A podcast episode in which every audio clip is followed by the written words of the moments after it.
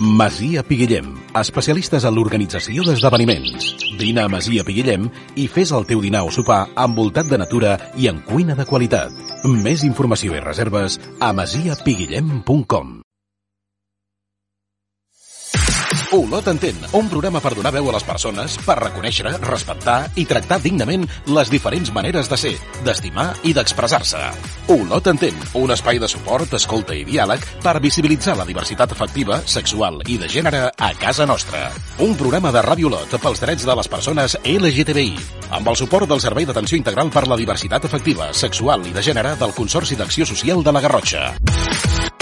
Tens preguntes, dubtes o suggerències? Vols explicar la teva experiència? Posa't en contacte amb nosaltres a través de les xarxes socials de Ràdio Olot. Olot Entén. Escolta'l el dimecres a dos quarts de vuit del vespre i sempre que vulguis al podcast de radioolot.cat. Ràdio Olot, ara i sempre, compromesos amb la societat.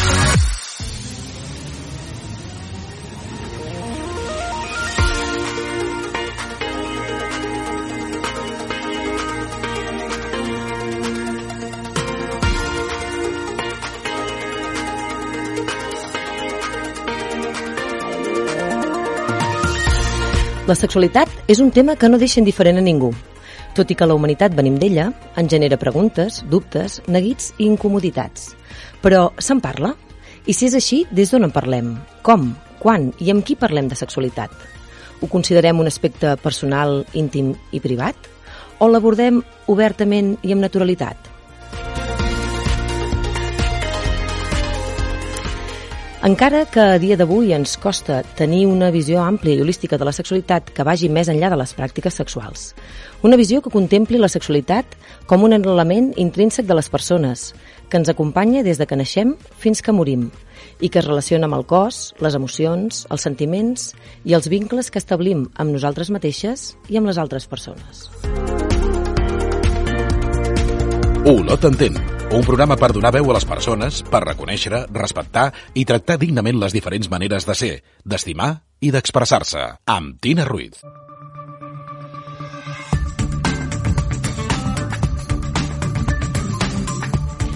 Avui, a Olot Entén, ens acompanya la Montserrat Creuet i Bonada. Ella és de la Collada de Toses, però fa anys que viu a l'Empordà. S'ha format en integració psicocorporal i fa 43 anys que treballa en teràpies d'evolució personal. Ha desenvolupat la seva pròpia metodologia partint de la base de que el trauma no determina. Montserrat, benvinguda al programa. Hola, bones tardes. Uh, Montserrat, eh, tu com defineixes això que comentàvem abans, això de la sexualitat? Bueno, eh, jo com el que has definit eh, m'ha semblat d'una manera molt clara i molt planera, tal com ho has fet, no? És a dir, la sexualitat hi naixem. Uh -huh. I, a més, és evolutiva. Hi ha una clara diferència en els mamífers més propers amb l'home, per una raó molt clara, que és el, el cel i el desig. Els mamífers eh, funcionen pel cel, des de la base instintiva i els humans des del cel i el desig. Hi ha les dues possibilitats. El cel pertany a la part instintiva i el desig a la part evolutiva. I això ens marca una clara diferència. El cel és per, per, per perpetuar l'espècie. Cal dir-ho que, és, que és així, no? El, el desig és per disfrutar el plaer de la sexualitat.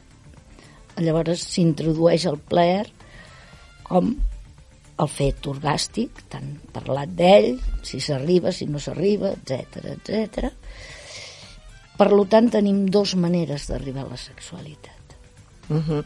És a dir, que tu planteges que la sexualitat té aquesta part instintiva, perquè som mamífers, Sí. i també des d'aquesta part eh, evolutiva humana, que Mm. és eh, el desig. Exacte. No? Eh, tu a vegades eh, comentes que hi ha una perversió cultural de la sexualitat. Eh, Què és el que vols dir amb això? Bueno, mm, no és que hi ha, és que som. Som. Sí, jo en aquí, mm, vaja, no tinc cap pena dir-ho, fa molts anys que ho estic dient, ara sembla que s'escolta una mica més, però som una societat perversa a nivell sexual. La societat jueva-cristiana, fonamentalment, ha, ha fet una gran repressió a la sexualitat. Aquesta mateixa repressió ha eh, postulat única i exclusivament no el desig sexual, sinó la procreació. I des d'aquí tota la perversió i tot el rol que eh, es defineix com a gènere. Uh -huh. És a dir, aquesta visió de la sexualitat, la sexualitat l'enquadren en què ve determinada pel gènere. I no és cert, perquè la sexualitat és sexualitat, tant amb l'home com amb la dona. A partir d'aquí és un descobriment en primera fase i en, i en segona fase és des del meu desig, busco l'atracció i a partir d'aquí ens trobem. Uh -huh. O sigui, a veure, Montserrat, per ser, a veure si anem seguint. O sigui, tu mm. parles de dues coses. Una és que hi ha aquesta mirada de la sexualitat des de la perversió, des de la repressió, i parles eh, d'aquesta aquest, mm. tradició judeocristiana mm. que no ens ha ajudat perquè som mm -hmm. una societat mm -hmm. perversa, i parles també de, de quina manera eh, jo sento la sexualitat en mi i des d'aquest desig meu jo eh, puc, puc viure la sexualitat des del desig meu, intrínsec personal, mm -hmm. o des d'aquesta atracció que és algo com extern. Sí? Et segueixo? No, no, no, no, no. no. Potser no m'he explicat bé. El, el que jo volia dir és que la perversió uh -huh. ve deguda a que s'ha determinat la sexualitat des dels rols de gènere uh -huh. i des de la procreació. A partir d'aquest punt sí. no s'ha mm, eh, eh, no evolucionat o, o no s'ha explicat a nivell social amb suficient llibertat uh mhm. -huh. perquè cadascun de nosaltres puguem descobrir la nostra sexualitat, que serà el que ens farà lliures. Val. És, jo contestava aquí quan m'has dit lo de la perversió. Val. I per això jo em dic que som perversos. Uh mhm. -huh. Quan no, nosaltres no seguim el nostre, mm, eh, el nostre sentit del que sentim, hem de passar a un segon nivell, que és el nivell de la fantasia. Uh -huh. A partir d'aquí desconnectem el que sentim i comencem a excitar-nos a través del, de l'excitació mental. Això, fantasia... avui dia, fantasia, el que sigui, avui en dia s'ha comprovat. Uh -huh. van fer un escàner amb una dona, li van posar eh, pornografia i va tenir orgasmes tan lligada. Uh -huh. O sigui, és una inhibició absolutament de la sexualitat, perquè la sexualitat és cos. És cos i no és cos. cap, no? A partir, la ment el, el, els genitals i les zones erògenes seran les primordials en la sexualitat, però en definitiva és tot el cos que, eh, uh -huh. que hi comporta. No? Uh -huh. Aquesta visió, des de la visió mental, que és cert, perquè és molt potent la sexualitat que podem arribar, és pervers. Uh -huh. Perquè eh, si jo eh, estic a, o ben masturbant-me, o bé eh, estic amb una parella, eh, l'excitació em anirà vinguent, no? I cada vegada serà més, serà més, serà més. Llavors, a partir d'aquí, són els dos cossos l'escalfor. Si em ve una fantasia i la tallo, se'n talla. Però, si he de buscar la fantasia, és perquè el contacte és desconegut per mi. Uh -huh. I, I per mi, el que és important és que comencem a aprendre's el nostre cos, en primer termini i en segon termini el cos de l'altre. Uh -huh. Val. Eh, voldria... O sigui, parles d'això, no? La sexualitat comença amb un mateix o amb una mateixa, no? Uh -huh. I des de mi, uh -huh. i a partir d'aquí, si jo vull, quan jo vull, en aquest, eh, en aquest compartir-me amb algú altre, no? Uh -huh. Uh -huh. I, per tant, eh, aquesta sexualitat ha de ser des de la llibertat i des del, des del que jo vull i també des de l'altra persona, si l'altra també vol. Ho dic en el sentit perquè a mi últimament em preocupa molt totes aquestes qüestions que s'estan donant de que, bueno, doncs que a vegades pot ser que compartim la sexualitat amb algú i no puguem, poder estem molt lluny d'aquesta persona per, per entendre els límits, per entendre el fins aquí, no? Què passa amb tot això? Bueno, però a mi abans d'arribar aquí m'agradaria explicar una cosa que per mi jo crec que és la informació més important que podem enviar, no? Uh -huh. uh, que és a dir, uh, que la sexualitat és amb algú que venim. Uh -huh. I a mi m'agradaria dir en què si teniu algun gosset o algun gatet a casa, us donareu compte que eh, quan són joves es, es llepen els genitals, s'afreguen amb els genitals i encara no estan en fase de cel. Per què? Perquè s'estan descobrint. I aquest és un pas fonamental perquè jo connecti amb la meva sexualitat en la meva edat poder. El, els nens, un any i mig o, un, o així, ho fan, rossen els genitals, es toquen, que no hi ha cap, eh, cap càrrega sexual. L'únic que detecten és el, el tacte diferenciat en aquí, no? Llavors aquest tacte diferenciat fa que quan jo tingui el moviment hormonal, d'una manera natural, aquest moviment em col·loqui en els genitals, el reconeixi des de la infantesa, que no era igual tocar-me l'orella que tocar-me els genitals, i a partir d'aquí experimento d'una manera natural. La masturbació ve donada naturalment. I és això que m'agradaria dir-ho, uh -huh. perquè és en aquí, quan no es pot fer aquest procés de manera natural i hi ha la fantasia, és quan no es tenen clars els límits, que és el que tu em demanaves, uh -huh. ni el receptor ni el que don. No, no tenen clars els límits i a partir d'aquí, en lloc d'haver-hi llibertat, el que hi ha és coerció uh -huh. o sometiment. Uh -huh. mm? Uh -huh. És a dir, no tinc ganes de... no em sento excitat sexualment, però si no em deixaran, per exemple.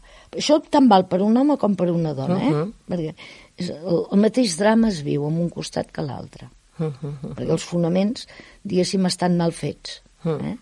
El que passa que com que des d'una idea, diguéssim, masclista, s'ha definit la sexualitat de la dona i la sexualitat de l'home. I a partir d'aquí han fet mal a tots dos. Això, això ho podem lligar amb el que deies abans de la sexualitat no té gènere. És a dir, que tu no creus que Exacte. la sexualitat de la dona sigui una, la sexualitat de l'home sigui una altra. No, són eh, és la sexualitat de la persona. Uh -huh. En el uh-huh. moment en què hi ha aquest procés natural, com jo et deia, la primera fase de masturbació vindrà natural i la segona eh, serà quan jo ja, la meva excitació necessita alguna més. I, i es passa, doncs, a experiències amb, que normalment solen ser en els grups mm, dels, del mateix gènere, uh -huh. normalment, no? però poden ser diferents. I comencen a voler experiències amb altres que encara no hi ha una, una sexualitat gen, genital, no? sinó que hi ha l'apropament amb l'altre, l'excitació, i anirà madurant, anirà madurant, i a mesura de que madura, a llavors ja, ja hi ha el meu desig i l'atracció. Uh -huh. Aquest desig el poso en l'atracció i a partir d'aquí comença doncs, el festeig, podem dir, amb una càrrega eròtica eh, necessària i important que hi ha d'haver-hi. No? Uh -huh. I des d'aquí es pot vincular molt més bé la sexualitat a l'efecte que si no es fa aquest procés. Uh -huh. Es vincula molt més a l'excitació i la descàrrega. Clar, eh, jo pensava, per exemple, el, el, tu, tu dius que moltes vegades aquestes, si siguéssim un desenvolupament natural o humà de la sexualitat, passaria això, no? Eh, jo sí. tinc la sensació, igual pot ser, eh, que, que moltes vegades aquest recorregut natural no es fa. No, moltes vegades no. Ja he dit abans que som una societat perversa. perversa. I som perversa perquè no hem fet aquest recorregut. Mm. No? És rara excepció les persones que la poden fer, que, que hi són, no? Mm -hmm. però no el gruix. Llavors, eh, eh, eh, per mi és som una societat que les nostres bases són perverses. Uh -huh. O bé per repressions, o, o pel que sigui, o per, per definicions, però ja ve perquè el circuit natural es trenca. I nosaltres tenim dos sexualitats, diguéssim, la instintiva, que funciona d'aquesta manera, que és el primer contacte sexual, i la segona que té a veure amb el desig, uh -huh. no? que jo elegeixo i m'elegeixen. I en aquí, a més a més, es dona una cosa que jo la trobo meravellosa, eh, que és quan mm, comencem a sentir amb molt de dolor la frustració. Perquè no sempre la meva atracció és coincident. Es corresposa. Uh -huh. Llavors, a partir d'aquí, és el que ens dona molta seguretat. No? Per què? Perquè quan som capaços de eh, expressar el que és la, la frustració amb tot el que ell comporta i el drama que, que això comporta i tal, el que sí és cert és que agafem un contacte en la realitat i aquest contacte en la realitat ens ajuda a obrir-nos a nivell relacional i a donar-nos en compte de que en aquesta vida no tot és possible. Uh -huh. O sigui que el nivell de frustració que s'experimenta quan l'atracció no és favorable és una qüestió bona. La frustració ja havia estat tractada per en Freud, però des de la zona edípica. Uh -huh. És a dir, la relació que es pot tenir amb el pare o amb la mare, etc. no? que també se li dona un valor d'aquesta categoria, sí. Mm. Ara eh, torno igual a aquesta pregunta que et llançava abans, que eh, el, el, com, com gestionem no, aquestes frustracions, és a dir, què passa no, en aquestes, eh, aquests joves, però igual no tan joves, que igual la gestió de la frustració costa i que igual no s'accepta un no o no s'accepta el límit de la seva parella sexual en aquell moment, no? Ho dic també perquè sabem Sí, no, que a sí, nivell dels sí, mitjans sí. de comunicació tot el tema de les agressions sexuals lamentablement està a l'ordre del dia, no? Sí, sí, sí, I la agressió està- no ens n'escapem. No, no, l'agressió sexual està a l'ordre del dia i podem dir que bé, mm, que bé que ara ens en sabentem. Però això no és nou. No, no, no és nou, el que passa que ara es visibilitza que ara més. es, vis, i- ara es visibilitza. i no? més. A partir, a partir del punt de que es, va- es fa visible, eh, podem començar a, A treballar-ho, no? A, més que treballar-ho, a, a poder-ne parlar. Uh. -huh. O sigui, jo ja et dic que fa molts anys eh, que he estat eh, investigant i buscant aquesta línia i anant en, en diferents congressos d'on he assistit i etc. I quan jo portava aquests temes no eren acceptats. O sigui, mm, ara se m'escolta. I és com una espècie de gust, perquè mira, jo he anat investigant i m'era ben exactament igual el que em diessin, no? Però justament per la perversió que jo et deia so- social que hi havia. Quan es participa d'una manera social a través d'una perversió, la perversió queda justificada dintre de la pròpia societat, no? I ara estem en un moment que per mi el trobo meravellós, que no està justificat. I el que cal és informacions que siguin clares, que es, que es puguin entendre i que tothom sigui partícip de que tots hem, hem contribuït en aquesta societat, que no, no estem al marge de res. Uh -huh. I des d'aquí, realment les informacions que donem eh, arribaran. I, i, I crec que aquesta és una qüestió bona. Jo estic aquí mm, perquè sé que el, el treball que, has, que fas tu Uh -huh. i crec en, en que això s'ha de, s'ha de fer, s'ha de moure en aquesta direcció. Montserrat, un altre tema que treies abans és eh, aquesta descoberta de la sexualitat que en, en edats primerenques es sol fer molt amb el grup d'iguals, no? I l- l- les relacions que es tenen amb el mateix gènere. Se sol. Se sol. Se sol. Se sol tenir. També t'he escoltat a dir que l'homosexualitat, de fet, sabem que la trobem a totes les cultures, però tot i així vivim en una societat que és com hostil a les relacions homosexuals. Per què Sí. creus que passa això? bueno, per lo que t'he dit, per la cobertura perversa que hi ha del fet, no? És a dir, eh, jo em puc permetre sexualment el que vulgui, però que no se n'enteri ningú. Aquest és un punt, mm, diguéssim, de la perversió que hi ha, no? Llavors, si jo, la meva atracció és homo, està clar, contradiu les lleis socials. Llavors, a partir d'aquí ho perverteixo. No? I eh, en aquí el que hi ha és confusió pels dos costats, perquè eh, jo sempre dic, a lo millor, eh, persones que es pensen que són o que han- s'han sentit homosexuals eh, poden descobrir, a mesura de que es lliberin, que no ho són, o al revés, o al revés, perquè és una neteja del meu canal, no del canal que s'imposa. La diferència és totalment humana, aquesta. I és humana perquè ja no, no ens moguem per, per la mm, perpetuació de l'espècie Uh -huh. i pel cel.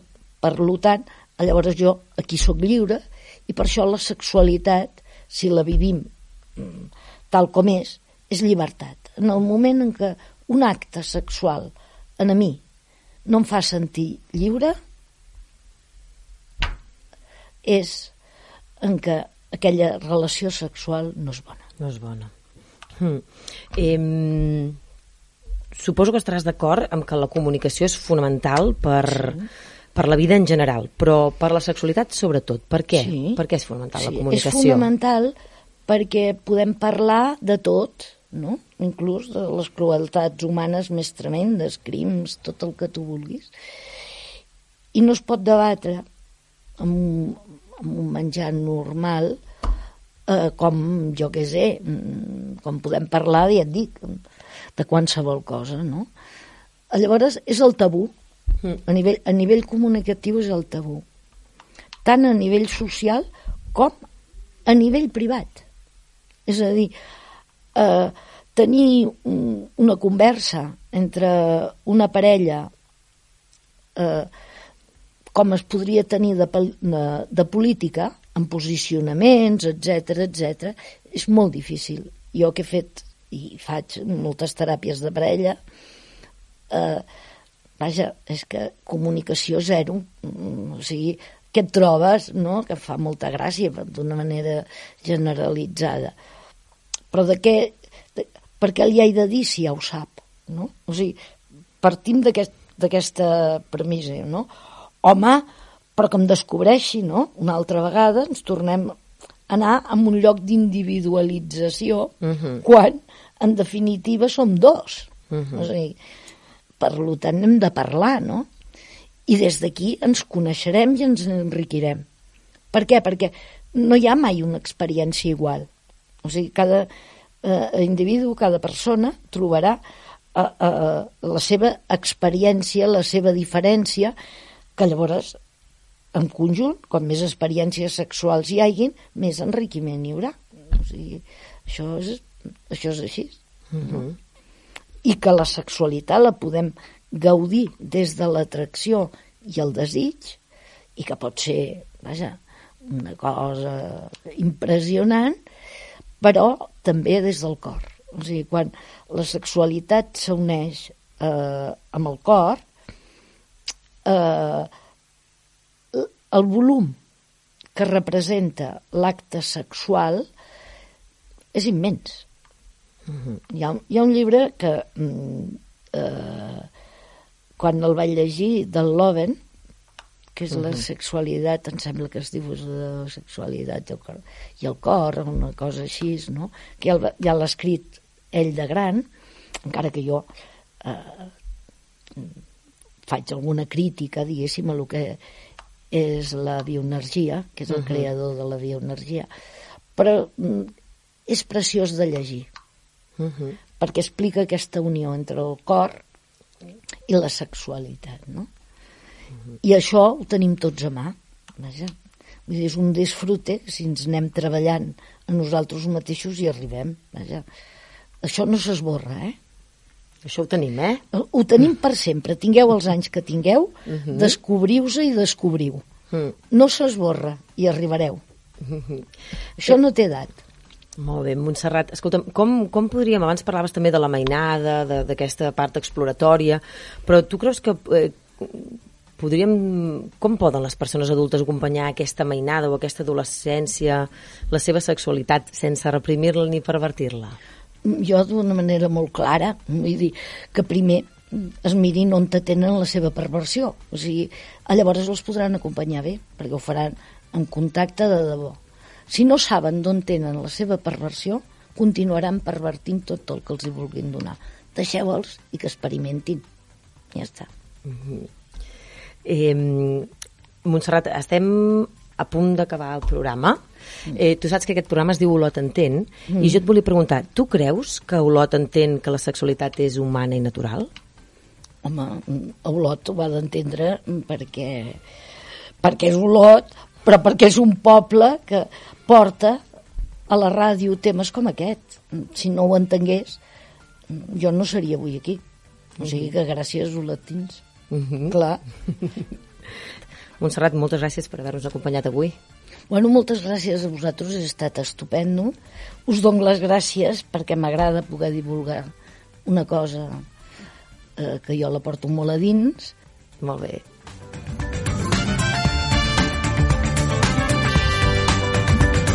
Olot entén, pels drets de les persones LGTBI.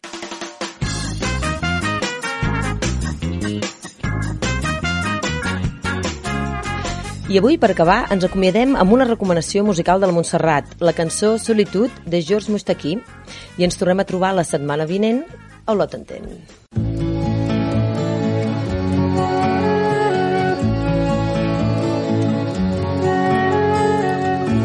avoir si souvent dormi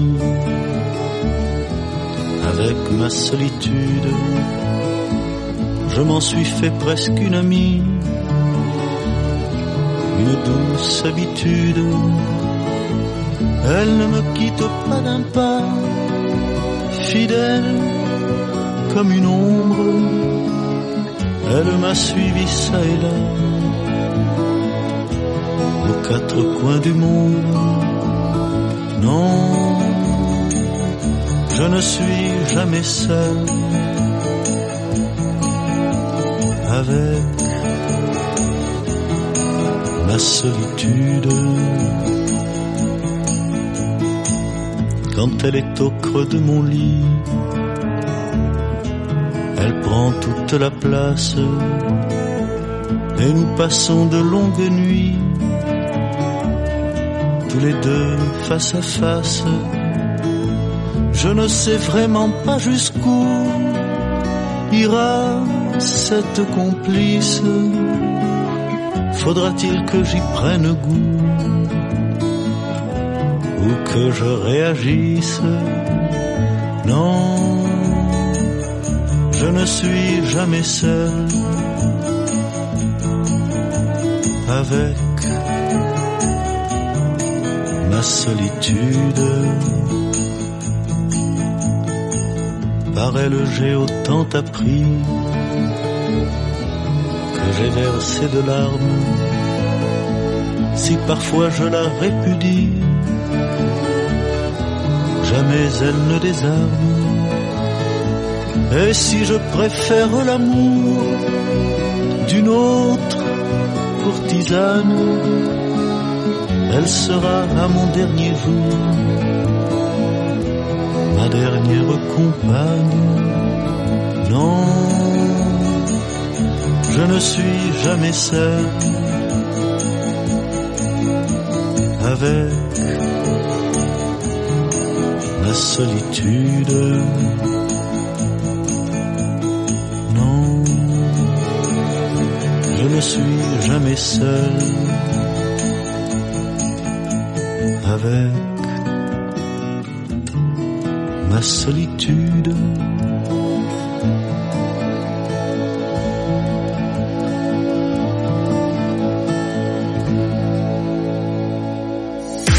Olot entén, un programa per donar veu a les persones, per reconèixer, respectar i tractar dignament les diferents maneres de ser, d'estimar i d'expressar-se. Olot entén, un espai de suport, escolta i diàleg per visibilitzar la diversitat afectiva, sexual i de gènere a casa nostra. Un programa de Ràdio Olot pels drets de les persones LGTBI, amb el suport del Servei d'Atenció Integral per la Diversitat Afectiva, Sexual i de Gènere del Consorci d'Acció Social de la Garrotxa. Tens preguntes, dubtes o suggerències? Vols explicar la teva experiència? Posa't en contacte amb nosaltres a través de les xarxes socials de Ràdio Olot. Olot entén. Escolta'l el dimecres a dos quarts de vuit del vespre i sempre que vulguis al podcast de radioolot.cat. Ràdio Olot, ara i sempre, compromesos amb la societat.